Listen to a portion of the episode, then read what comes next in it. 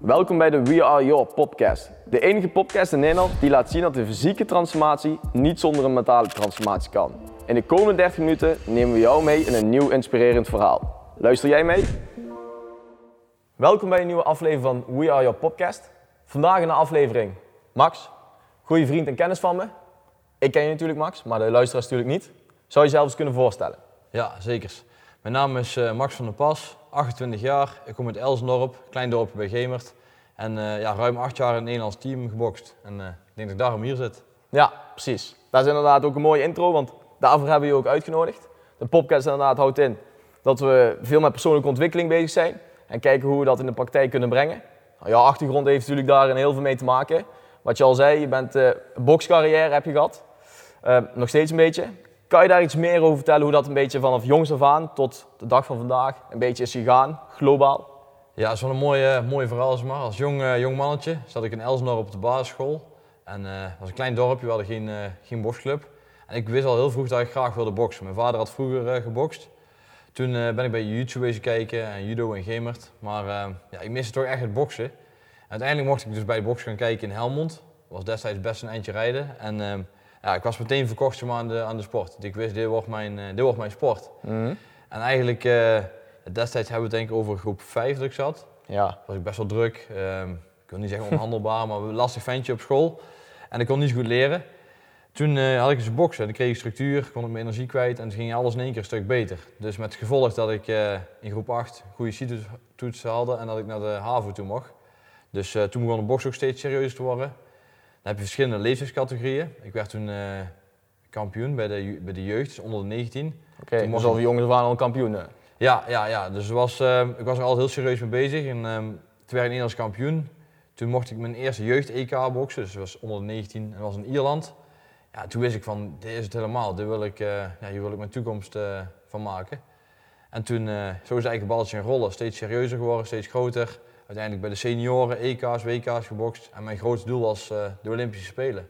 Dus uh, ja, ik heb een kleine versie van jongs af aan naar uh, internationale top. Ja. Op een gegeven moment heb je ook inderdaad die sprong gemaakt, hè, als het goed is, van, van Nederland naar Duitsland toe. Ja. Kan je daar iets meer over vertellen? Ja, dat was, um, wij boksten in een seizoen met het Nederlands nationaal team in de Mhm. Duitse Bundesliga. Dus we hadden eigenlijk de Nederlandse selectie, die bokste in Duitsland met de competitie mee. Die competitie is al heel, ja, super lang is een hele sterke competitie. Met uh, toppers vanuit Rusland, Roemenië, Oekraïne. Allemaal ja, wereldtoppers boksen in die Duitse competitie. Ja. Toen uh, was ik een jong ventje, ik was 18 jaar. En toen mocht ik uh, invallen voor een wedstrijd. Want het was de nummer 1 in de 64 kilo, dus wel lang geleden ook. Ja. Die, ja, die kon niet, dus mocht ik invallen. En ik viel dus in als, trouwens ik was 17. Ja, 17 jaar. En ik bokste een wedstrijd en een hele goede partij gebokst tegen de kampioen van de Europese Unie. En die verloor ik, maar het was best wel close. Dus toen uh, had ik eigenlijk mijn naam gevestigd in Duitsland. Met het gevolg dat in mijn eerste jaar bij de senioren dat ik gelijk een contract kreeg in de Duitse Bundesliga. Dus ik heb daar uh, ja, vanaf 2012 ja, tot en met 2019 heb ik daar gebokst. Dus dat is wel een, een flinke tijd. Ja, ja een tandje, tandje hoger als ik het zo, zo hoor. Ja, die hebben gewoon een competitie. Dus had je een, een van november, ja, november, oktober, november tot, tot en met maart hadden we dan ja, bijna wekelijks wedstrijden of om de week. En dat was, allemaal, dat was topniveau. Dus dan kom je in één keer als jong ventje met de wereldtop te boksen. En dan niet één of twee keer, maar echt iedere maand een paar keer. Ja. Dus ja, toen ging het snel, uh, snel vooruit. Ja. ja, was super tof om te horen. Die, die zei net ook inderdaad, je werd van tevoren ook nog andere vechtsporten geprobeerd, maar je miste echt dat boksen. Wat maakt het er zeg maar, voor jou dat dat boksen voor jou anders is dan die andere vechtsporten? Ja, als ik dan echt terugdenk naar mijn, mijn kindertijd, zeg maar. Ik had vroeger natuurlijk die Rocky-films. Als je nou terugkijkt, denk je van, oh god, wij toch gekeken. ja. Maar toen was dat mijn ideaalbeeld. Hè. Ik zag iemand die, die, die bepaalde struggles had in zijn leven, zeg maar. En die ging boksen en dan kwam alles goed. En ik kon me ook al op jonge leeftijd een beetje mee identificeren. Want ik had mijn moeite op school en dit en dat. En ja, ik wilde gewoon heel graag boksen. En toen uiteindelijk mocht ik boksen en toen zag ik ook dat alles beter ging. Dus ik vertaalde altijd mezelf als een beetje als Rocky. Nou, moest niet te veel willen doen, want zo, uh, succesvol was het uiteindelijk niet. Maar ja, dus dat was een beetje mijn ding. En bij, bij de andere sporten miste ik die, um, ja, gewoon het, ja, dat klinkt heel stom, maar het stoten, het niet geraakt worden, het spelletje zelf. Dus uh, het boksen, mensen denken vaak het is een, een, een knokwedstrijd, bij wijze van. Dus je gaat de ring in en je gaat mappen. Maar er komt zoveel bij kijken. Het is echt, ja, ik noem het vroeger eigenlijk al een beetje tikkertje voor gevorderde. Ik probeer die anderen te tikken zonder zelf geraakt te worden. En dat miste ik bij een bepaalde sporten wel. En ja, dan vond ik het boksen heel mooi. Ja, Ja. hij zegt, Jullie, jullie pap heeft daar ook eh, al een box gehad, dus het is Ja. ook een beetje met de paplepel ingegoten. Ja, ik moet wel zeggen, in het begin stonden ze niet, eh, niet zozeer te popelen om mij naar een bokschool te sturen. Want vroeger had boksen een iets andere ja, imago en een andere naam. Oké. En gelukkig is dat de jaren nou een stukken beter. Dus ehm, ja, het vroeger had het een beetje ja, slecht, slechte naam voor de boksport. Dus nu is het wel een stukken beter en professioneler geworden. En eh, ja, toen zagen ze ook dat ik daar heel veel plezier in had, stonden ze me altijd achter mij. Dus dat was wel super mooi. Ja. Ja. Ja. dat is ook mooi inderdaad dat ze natuurlijk zelf hebben beoefend en uiteindelijk kind ook weer in de Ja. voetsporen treedt en nog een tandje verder eigenlijk. Ja, ja, zeker, want hij was natuurlijk altijd super trots. Maar we hebben wel altijd de afspraak gehad van als je het niet meer leuk vindt of weet ik wat, dan mag je altijd ja, stoppen. Weet je, dat maakt me niet minder trots. Hij vond het super leuk en ook naar verre landen geweest, mee naar het EK in Bulgarije, Ierland. En eh, ja, altijd super goed gesteund, dus dat was heel mooi. Maar altijd gezegd van ja, het hoeft niet, hè. het is allemaal je eigen, als je het zelf wil, is het natuurlijk mooi. Ja. Dat is een heel mooi verhaal, want ja, je hoort toch heel vaak andere verhalen natuurlijk als kinderen heel erg in de sport zitten. Dat Ja. fanatieke ouders langs de lijn of net wat die toch Ja. een beetje verpesten voor het kind. Ja, in elk geval is het anders geweest als ik het zo hoor. Ja, en dat heb ik, ook, ik heb het ook vaak gezien gebeuren, zeg maar. Dus dat we als jonge mannetjes aan het sparren waren en dat de, de ouders zich meer aan het bemoeien waren dan het kind zelf. Weet? Dat ze het te, te graag wilden. En dat is natuurlijk super zielig. Dus eh, ja, ik ben blij dat ik het nooit gehad heb. Nee, Nee, nee. wat dat betreft goed. Ja. Nee, nee. En pas dan ook zelf eh, natuurlijk inderdaad, of het komt natuurlijk aan, eh, je wordt daar kerstfest papa. Ja. Zie je dat zelf ook zo een stukje voor je later? Ja, het klinkt heel cliché, maar voor mij hoeft hij echt helemaal niet te boksen. Als eh, als hij voetbal leuk vindt of een andere sport, bij mij betreft gaat hij ballet dansen. Ik, eh, als hij ergens plezier in heeft, dan wil ik hem natuurlijk steunen. Dus dat is het belangrijkste. Het zou mooi zijn als hij boksen leuk vindt. Maar de topsport is toch een, een harde wereld. Dus ik, ik weet ook niet of ik me aan zou raden om topsport te gaan doen. Dus ik zeg, ik heb ervan genoten, maar het is wel hard en een zwaar, zwaar bestaan. Ja. Ja. Oké, goed dat je daar een beetje op inhaakt. Hè. Je zegt dat topsport inderdaad is een, is een harde wereld. Ja, Net sprak je ook een beetje over rolmodel Rocky eigenlijk. ja. Ik denk persoonlijk inderdaad dat veel mensen een rolmodel nodig hebben om ergens aan op te trekken, een voorbeeld om uiteindelijk daar naartoe te groeien. ja. Had je misschien nog andere rolmodellen waarvan je zegt, nou, daar heb ik heel veel naar gekeken of die wedstrijden keek ik eigenlijk altijd wel? Ja, ik had als, eh, als jong manneke, zeg maar, had ik al vrij snel contact met Arnold van Leiden. Dus de bokser die drie keer brons heeft gehaald op de Olympische Spelen. En daar keek ik heel erg tegenop. Maar Arnold, ja, die was gewoon een hele sociale en fijne man. Dus ik was toen een jaar of 15. Toen heb ik hem, eh, gingen we voor het eerst naar een toernooi, mocht ik met hem mee en dan vlogen we. En ja, gewoon, we zaten langs elkaar in een vliegtuig. En ik vond hem helemaal geweldig, dus ik keek daar heel erg tegenop. Toen bracht hij een boek uit en eh, had ik een gesigneerd boek van hem gekregen. Ja. En dat boek daar heb ik al ik denk, vier, vijf keer uitgelezen. Dus Arnold was ook een persoon voor mij waar ik heel erg tegenop keek. Ook sowieso een topbokser, maar ook na zijn boksen was hij ja, gewoon slim en heeft hij het goed, eh, goed geregeld. En dat was voor mij wel een belangrijk iets. Je ziet heel vaak boksers, ja, in een, in een primetime gaat het heel goed. En dan houdt in één keer de sport op en dan vallen ze in een zwart gat. En ehm, ja, ik vond Arnold een mooi voorbeeld daarvan hoe dat maar niet is gebeurd. En, eh, ja. Ja. En wat als we dan terugkijken naar die, naar die lessen die je van hebt geleerd, misschien nog steeds wel hè. Wat zijn dan de belangrijke lessen die jij van Arnold hebt meegenomen in je eigen carrière? Ja, er zijn er wel een aantal, maar het belangrijkste vond ik, had ehm, de VIP, de afkorting VIP. Ja. Wij denken allemaal very important, eh, person. ja, Ja, important ja. person. En bij, eh, bij Arnold die vertelde eigenlijk VIP, daar maakt hij vertrouwen, integriteit en passie van. En eh, die dingen ja, neem ik ook vaak mee in mijn sportcarrière, maar ook in het dagelijks leven. Dus als ik ehm, ook naar mijn eigen bokscarrière kijk, daar gaat altijd eh, op en neer. En op het moment dat ik met mezelf bijvoorbeeld iets minder presteerde, dan ging ik even terug gaan kijken van hoe zit ik met mijn vertrouwen in mijn team, maar ook in mezelf. Mijn ve- zelfvertrouwen, mijn integriteit, handel ik altijd integer, eh, behandel ik iedereen op de juiste manier. Dat is al meestal wel goed. Hoe zit het met de passie? Ben ik niet meer bezig met mijn eh, prestaties dan met mijn plezier en mijn passie voor de sport? En die drie letters die hebben mij vaak wel eh, ja, de goede richting in gewezen. Dus dat was voor mij wel een, eh, ja, een belangrijk ding. Dus Dus- alles met, met vertrouwen, ja, altijd integer blijven handelen en, en passie hebben voor wat je doet, dan is er heel veel, eh, veel mogelijk. Ja. Ja, dus dat is een beetje de rode draad geweest in heel jouw carrière als bokser en in jouw leven van oké, dat daar draait het wel om. Ja, de, voor, mij, eh, ja, voor mij bracht dat heel veel eh, ja, geholpen, dus dat is goed. Ja. Ja. Oké, goed. Nou, vandaag de dag zitten we natuurlijk hier. Je hebt van alles meegemaakt de afgelopen jaren. Ja, Ehm, boksen, zeker wat je ook zegt, topsport is natuurlijk niet niks. Je moet jezelf er wel staande houden, rechtop in kunnen houden. Het is een harde wereld, je zegt het al een stukje. Kan je bijvoorbeeld eens voorbeeld noemen waaraan je merkt dat het een harde wereld is om eerst te beginnen? Ehm, ja, sowieso eigenlijk de selectiemethode, zeg maar. Dus je hebt, ehm, ja, in Nederland hebben we het Nederlands kampioenschap. En de beste van Nederland die gaan internationaal boksen. Dat is eigenlijk, ehm, ja, ik had geluk toen ik meteen 19 jaar was, bij de senioren kwam. Ik werd gelijk Nederlands kampioen en dat ging eigenlijk goed. Maar ik ken ook jongens die strijden jarenlang en die verliezen bijvoorbeeld hun nationale titel. Waardoor ze niet meer internationaal mogen boksen. Dus best een hard, eh, hard bestaan. Ik heb zelf de, de pech gehad dat ik in 2018 verloor ik mijn Nederlands kampioenschap. De finale verloor ik. Ik ben slecht gebokst, gewoon aan mezelf te danken. Maar ik had wel het geluk dat ik internationaal goed bleef presteren, waardoor ik eigenlijk wel de nummer 1 bleef en gewoon mocht blijven boksen. Maar die manier is best wel hard, want toen had ik echt wel stress van, hey fuck, ik verlies mijn finale van het Nederlands kampioenschap. Over drie dagen was er een toernooi in Duitsland. Ja, misschien gaat de jongen alweer in een spook van alles door je hoofd. Dus dat is best wel een, ja, precies. Ja, je traint er dag en nacht voor. Dus dat is best wel een, eh, een hard iets. Of een, een, een verloren wedstrijd, als je in één keer uit je kwalificatie ligt. Dat is ook een, uh, een ja. bestaan. Ja. ja. ik denk dat veel mensen misschien vanuit de buitenwereld zien van oké, dit is Max van der Pas. Die doet natuurlijk op een hoog niveau boksen. Meervoudig Nederlands kampioen natuurlijk. Die, die, kan het allemaal wel hebben en die heeft geen twijfels. Maar ja, bij deze ook inderdaad bekend dat zelfs jij de twijfels hebt ongeveer ooit wel eens van oké, gaat het me wel lukken en eh, hoe los ik dit op? Dan heb je ooit wel in dalletjes gezeten. Wat waren voor jou dan punten of hou vast waarvan jij zegt oké, op deze manier wist ik me eigenlijk wel altijd goed staande te houden in die harde wereld van topsport? Ja, voor mij was het vaak gewoon ook hard werken. Als, als, als ik naar heel mijn carrière kijk, ook als jong ventje, toen ik een jaar of uh, 13, 14 was, was ik niet de meest getalenteerde bokser.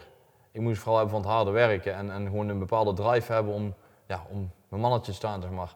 En ook in die, in die mindere periodes was voor mij het hard werken een soort van uh, uitweg en een kans om weer, weer door te gaan. Dus een NK-titel die ik verloren heb of een, uh, de Olympische Spelen van 2016 die ik zeg maar, net niet had gehaald. Ja. toen ben ik één zomer uh, naar de festivaltjes geweest, weer de feesten. Maar dat voelde niet goed voor mij. Dus ik had gewoon, ik moest weer die drive hebben, ik moest een doel hebben en hard werken. En dat was voor mij gewoon ja, heel erg belangrijk. Um, ja, ook een, een privé en heel zwaar iets meegemaakt. In 2017 was mijn beste vriend overleden. Ja, ja dat is een flinke, flinke douw krijg je dan.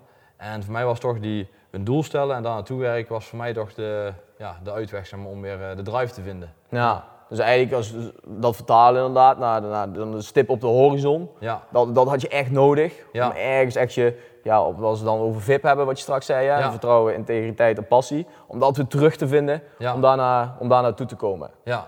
Oké, goed. Heb je daarin ook nog andere tools gebruikt? Persoonlijke ontwikkeling, dat je inderdaad vaak veel naar boeken neigde, video's bekeek. Ja, je zegt inderdaad straks al je rolmodel, maar ook nog andere tools gebruikt in al die tijd? Ja, ik heb best wel boeken gelezen. En uh, als jongman, toen ik jaar 17, 18 was, toen, uh, toen, las ik nog niet veel. Maar daar ik vaak YouTube-video's gekeken van die motivational speeches en dat soort dingen. Of bepaalde films waar ik, waar ik weer drive vandaan haalde. En toen via YouTube kwam ik meerdere ja, kanalen tegen. En dan had ik in één keer ja, lezingen en dat soort dingen. Dus dat vond ik wel interessant destijds. Later ben ik meer boeken gaan lezen en uh, heb het ook veel lang gehad. Dus en voor mijn ding was het altijd gewoon het maximale uit jezelf halen. Dus had ik mijn bedrijfje opgericht, To The Max Sports. Dus gewoon het maximale voor gaan.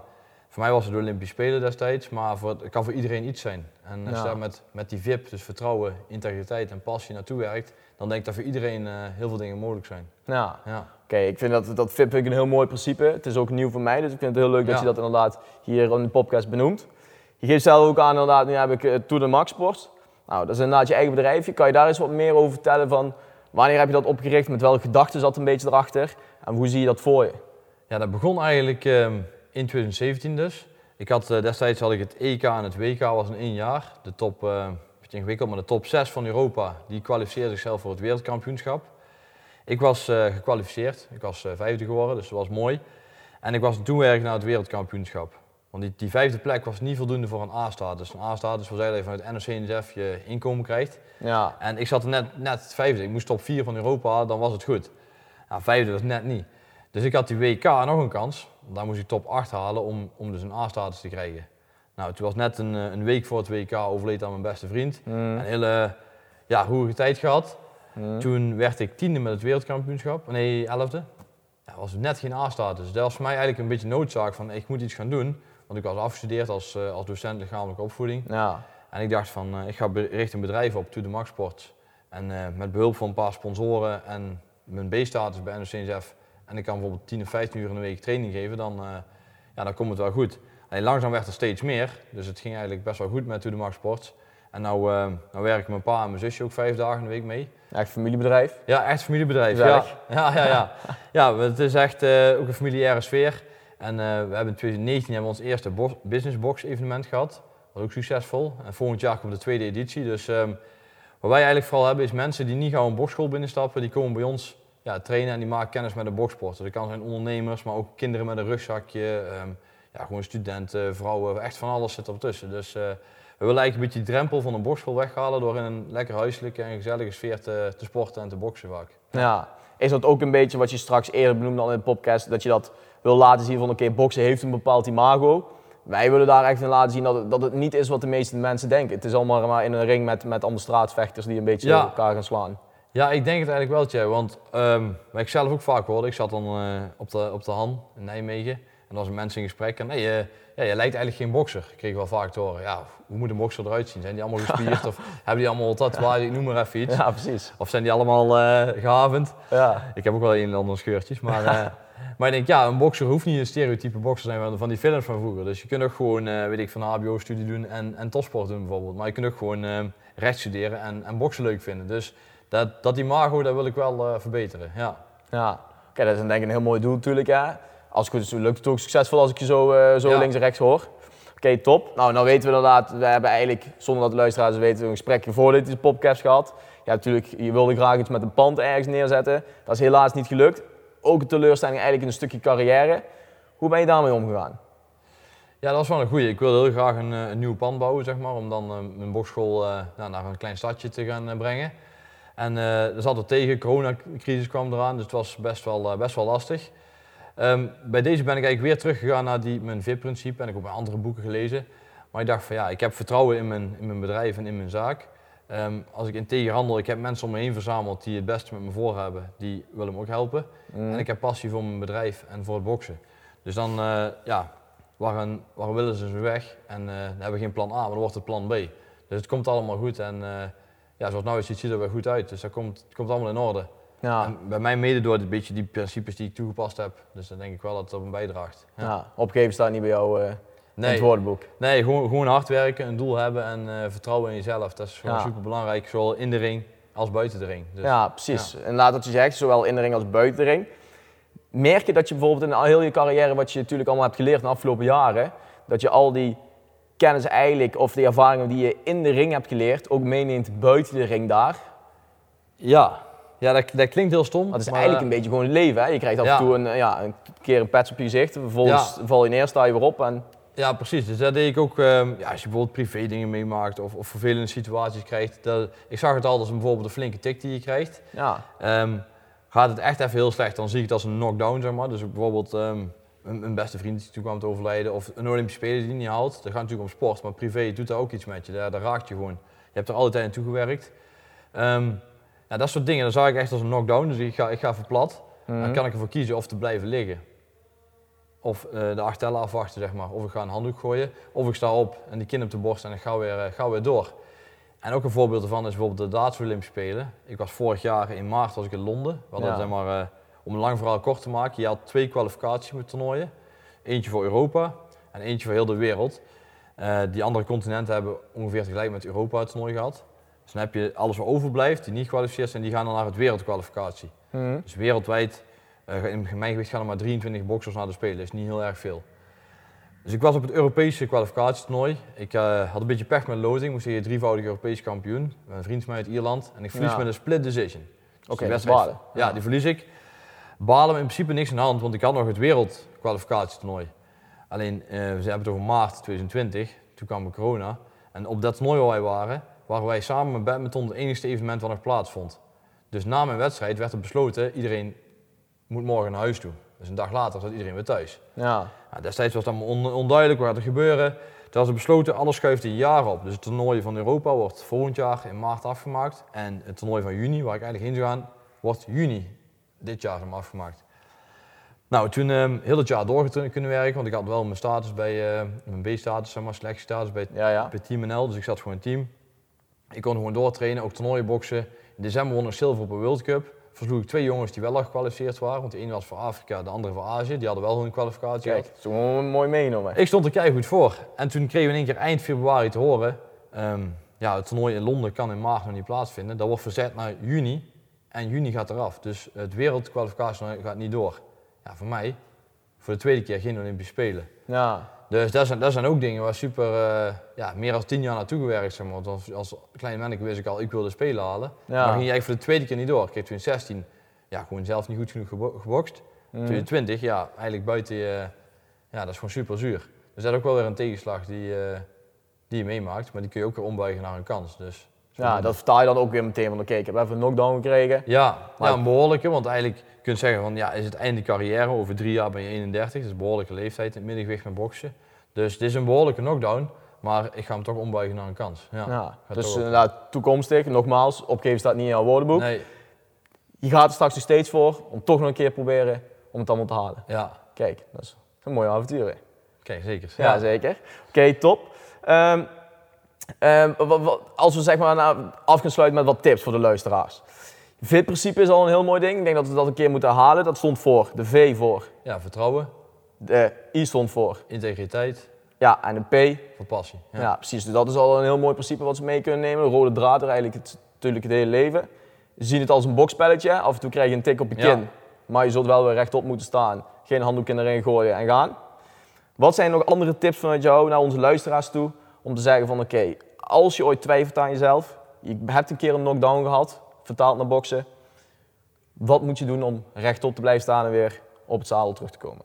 Ja, voor mij was het wel belangrijk om een, doel te hebben. Dus ik zou aan, ja, aanraden, vind een doel. Al is het privé of qua werk of qua sport, maakt niet veel uit. Voor mij was een doel heel belangrijk. Ik moest een doel hebben en daar met een onderbouwplan naartoe werken. Dus niet zomaar wat gaan doen, want ik, ik wil ehm, een bepaalde omzet halen in een jaar bijvoorbeeld. Ja, de, dat gaan we proberen te halen. Dat gaat het niet werken. Dus alles onder, onderbouwen met een plan en dan naar je doel toe werken. Ik denk dat dat voor iedereen belangrijk is. Of het nou eh, werkgerelateerd is, privé of, ehm, of sportgerelateerd. Dus ik denk dat je daar veel aan kunt hebben. En verder gewoon, wat ik zelf merk, gewoon hard werken. En als je ergens echt iets echt wil, dat zul je zelf ook weten, dan is er heel veel mogelijk. En natuurlijk wel, eh, ja, niet zomaar hopen en dan dat gaat gebeuren, maar echt met een plan naartoe werken, dan is er veel mogelijk. Ik denk hard werken en een doel hebben, dat je daar heel veel mee kunt komen. Ja, Nou, dus inderdaad, kort samengevat. VIP-principe, stip op de horizon. juist. En blijven gaan totdat je het hebt Ja. bereikt. Dat is een beetje wat we dan bespreken. Ja, Ja, oké. Nou, ik denk dat onze luisteraars heel veel aan hebben gehad aan jouw verhaal. Aan hetgeen wat je inderdaad hebt, hebt meegemaakt, wat je aan eh, bakervaring hebt. ja, een stukje inderdaad. mooi zijn. Zeker, een stukje laten inderdaad laten zien qua carrière en natuurlijk je mooie onderneming. De principes die ze mee kunnen nemen, dan denk ik dat ze daar heel veel aan hebben gehad. Dus ik wil jou daar heel hartelijk voor bedanken dat je aanwezig wilde zijn. En eh, wij gaan elkaar sowieso nog wel spreken. Ja, zeker. Jullie bedankt voor deze kans, dus eh, top. Gaan we zien. Bedankt voor het luisteren naar de We Are Your podcast. In de volgende aflevering hebben we weer een inspirerend en waardevol gesprek voor jullie klaarstaan. Voeg deze podcast toe aan je favorieten en mis nooit meer een gesprek over mentale en fysieke transformatie.